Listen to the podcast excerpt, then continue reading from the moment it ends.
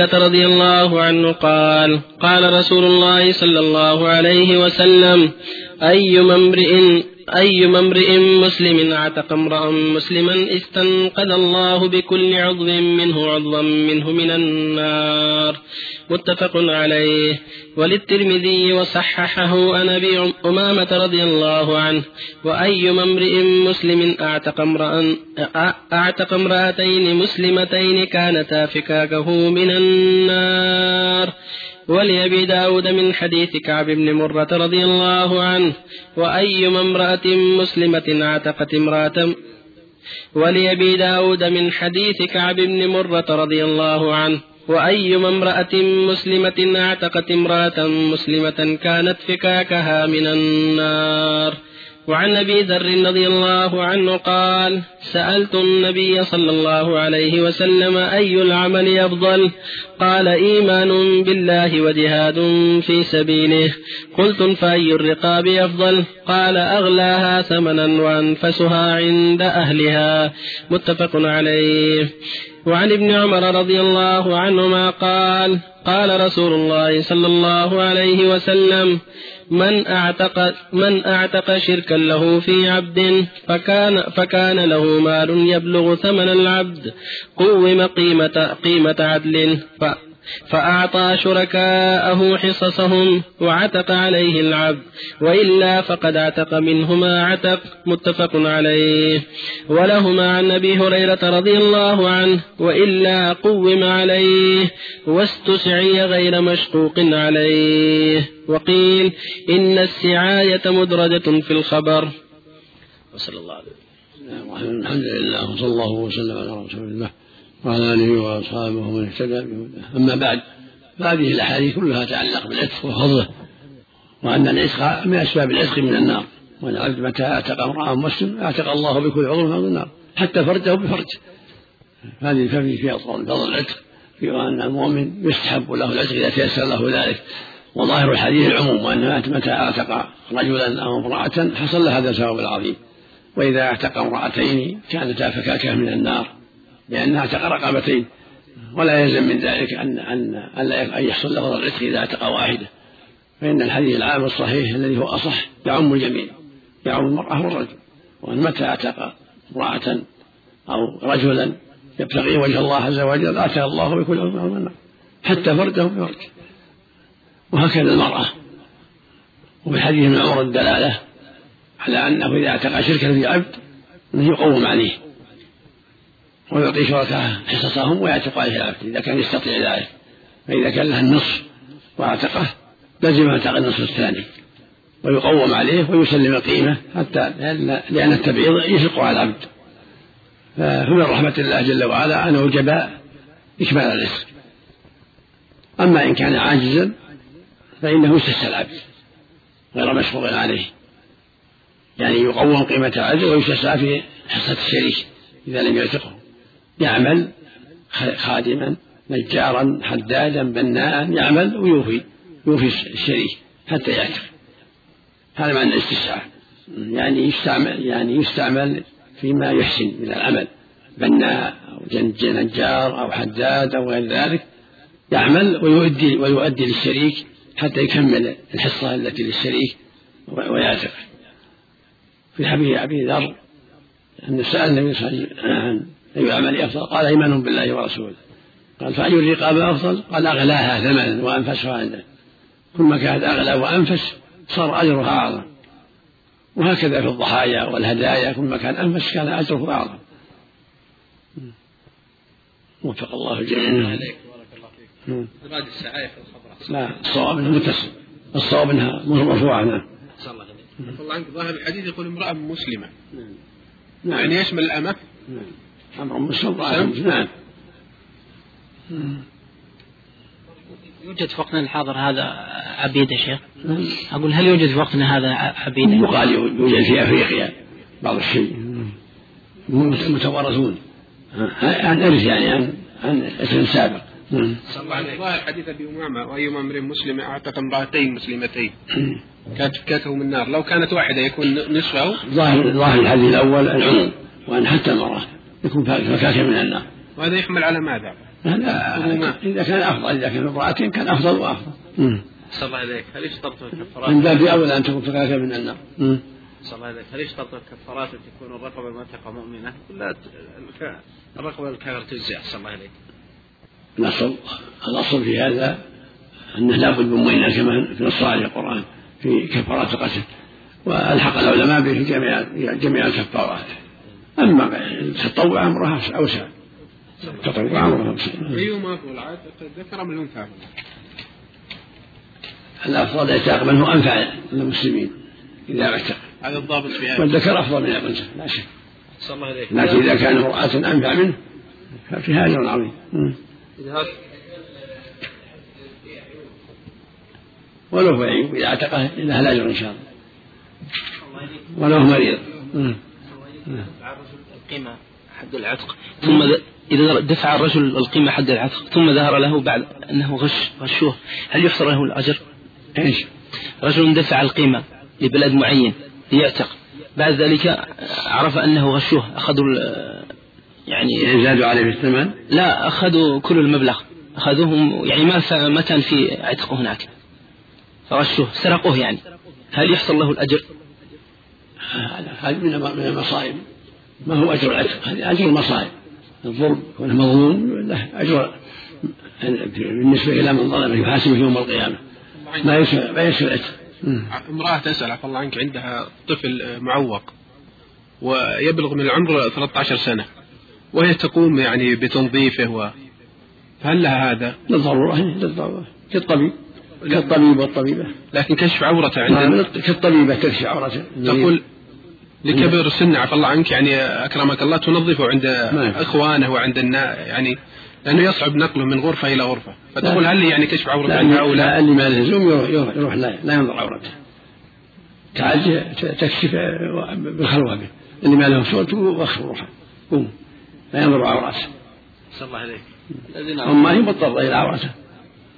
ولو مثل مثل الطبيب والطبيبة والخادم ولو تنحت به إلى آخر الغرفة يعني وغيرت له يعني حوائجه والناس في هذه الغرفة في بأس عفى الله عنه. إذا راحت محل ما يشوفونه لا بأس. وعن أبي هريرة رضي الله عنه قال قال رسول الله صلى الله عليه وسلم لا يجزي ولد والده إلا أن يجده مملوكا فيشتريه فيعتقه. رواه مسلم. جزاكم الله خير. لا يجزي ولد والده إلا أن يجده مملوكا فيشتريه فيعتقه. رواه مسلم. وعن سمرة بن جندب رضي الله عنه أن النبي صلى الله عليه وسلم قال من ملك ذا رحم محرم فهو مح... جزاكم الله خير. قال من ملك ذا رحم محرم فهو حر. رواه أحمد والأربعة. ورجح جمع من الحفاظ أنه موقوف. وعن إمران بن حسين رضي الله عنه أن رجلا أعتق ستة مماليك مماليك له عند موته لم يكن له مال غيرهم فدعا بهم رسول الله صلى الله عليه وسلم فجز فجزأهم ثلاثا فجزأ فجزأهم ثلاثا ثم أقرع بينهم فأعتق اثنين وأرق أربعة وقال له قولا شديدا رواه مسلم. وعن سفينة رضي الله عنه قال كنت مملوكا لأم سلمة. فقالت أعتقك وأشترط عليك أن تخدم رسول الله صلى الله عليه وسلم ما عشت. رواه أحمد وأبو داود والنسائي والحاكم. وعن عائشة رضي الله عنها أن رسول الله صلى الله عليه وسلم قال إنما الولاء لمن أعتق متفق عليه في حديث طويل. وعن ابن عمر رضي الله عنهما قال قال رسول الله صلى الله عليه وسلم الولاء لحمة كلحمة النسب لا يباع ولا يوهب. رواه الشافعي وصححه ابن حبان والحاكم وأصله في الصحيحين بغير هذا اللفظ. صلى الله وسلم على رسول الله وعلى آله واصحابه ومن اهتدى بهدى أما بعد فهذه الأحاديث كلها تتعلق بالعتق. الحديث الأول يدل على أن من اشترى والده عتق عليه وأن هذا يكون جزاء وبرا عظيما بوالده. لا يجي ولد والده إلا يشتري إلا يجد مملوك فيشتريه فيعتقه. المعنى أنه يعتق عليه كما في الحديث الثاني. هذا الذي عليه جمهور العلم أنه متى اشترى اعتق عليه. وأنا قلت فيعتق عيني فيعتق عليه. كما في حديث من ذا رحم محرم فهو حر. وهذا من الجزاء العظيم. كون مملوك ثم اشتراه فاعتق عليه. هذا جزاء عظيم من الولد للوالد. وحق الوالد على الولد عظيم وبره كبير. وهذا من جزائه العظيم. ويدل على أن يعتق عليه قوله صلى الله عليه وسلم في الحديث الآخر من ملك ذا رحم محرم فهو حر. وأعظم الرحم الأب والأم. فإذا ملكهما أو أحدهما عتق عليه. وهكذا إذا ملك أخاه أو أخته أو عمته أو خاله ذوي الأرحام المحرمة.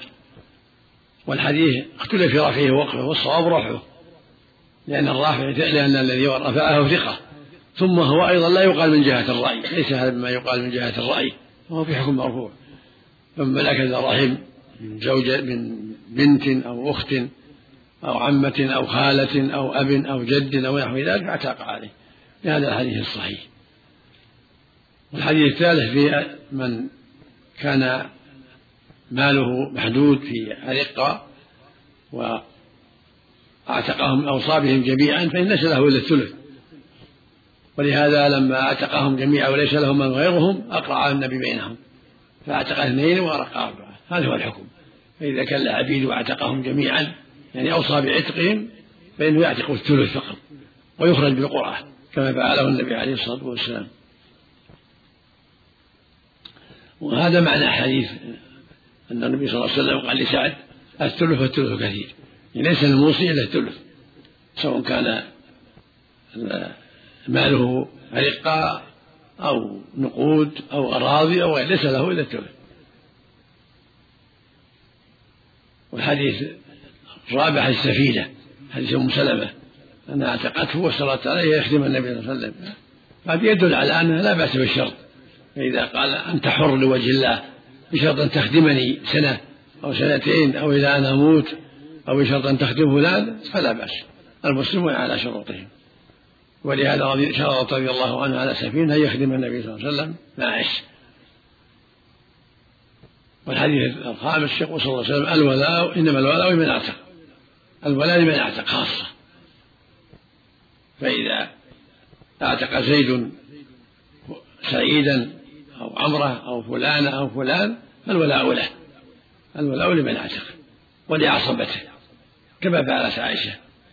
فإنها اعتقت بريرة فقال لها النبي الولاء لمن اعتق الحديث السادس الولاء لحمة يقال لحمة ولحمة تفتح اللام وتضم.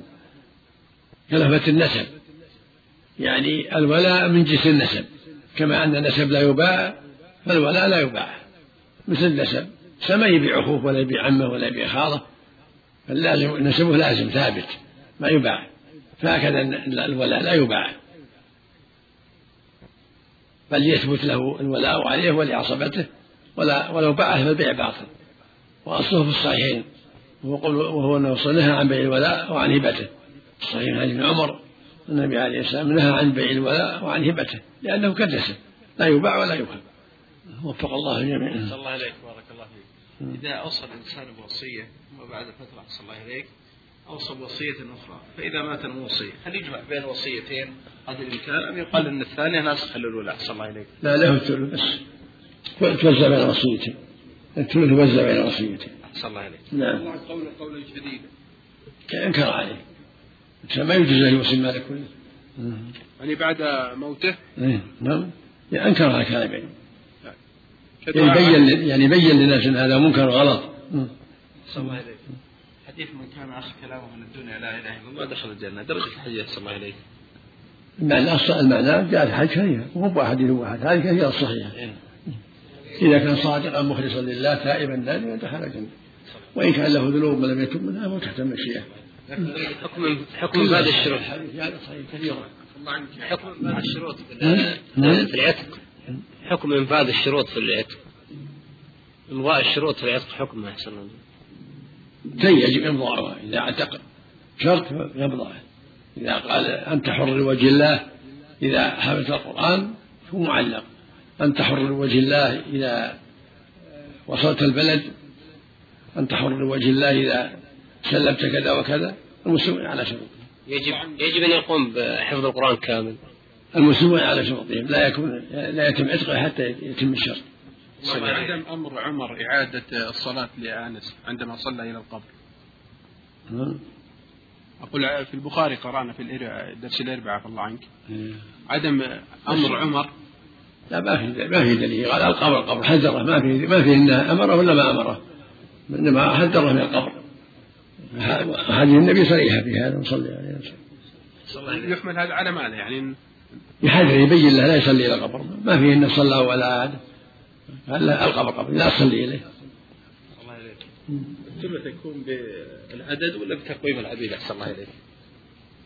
انت النقود بالسلس ما هو النقود بالتقويم. أحسن الله الله عنك.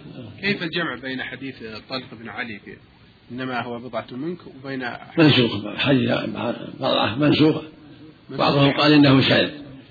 بأحاديث النقل والوضوء مسجد ذكر والصحيح أنه شاذ أو منسوخ؟ شاذ فيه العلتان الشذوذ والنسخ. نعم. بحائل لا من دون حائل إذا مس اللحم اللحم. والأنثيين منه مع الله عنك. نعم. والأنثيين؟ لا بس الفرج. أحسن الله عليك صحة حديث نفس المؤمن المعلقة بدينه حتى يقضى عليه. لا بأس الله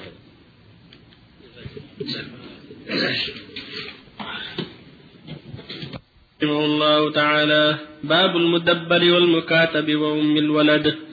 عن جابر رضي الله عنه أن رجلا من الأنصار اعتق غلاما له عن دبر ولم يكن له مال غيره. فبلغ ذلك النبي صلى الله عليه وسلم فقال من يشتريه مني؟ فاشتراه نعيم بن عبد الله بثمانمائة درهم. متفق عليه. وفي لفظ للبخاري فاحتاج. وفي رواية النسائي وكان عليه دين فباعه بثمانمائة درهم فأعطاه وقال اقض دينك. وعن عمرو بن شعيب عن أبيه عن جده عن النبي صلى الله عليه وسلم قال المكاتب عبد ما بقي عليه من مكاتبته درهم. أخرجه أبو داود بإسناد حسن وأصله عند أحمد والثلاثة وصححه الحاكم. وعن أم سلمة رضي الله عنها قالت قال رسول الله صلى الله عليه وسلم إذا كان لإحداكن مكاتب وكان عنده ما يوديه فلتحتجب منه. رواه أحمد والأربعة وصححه الترمذي.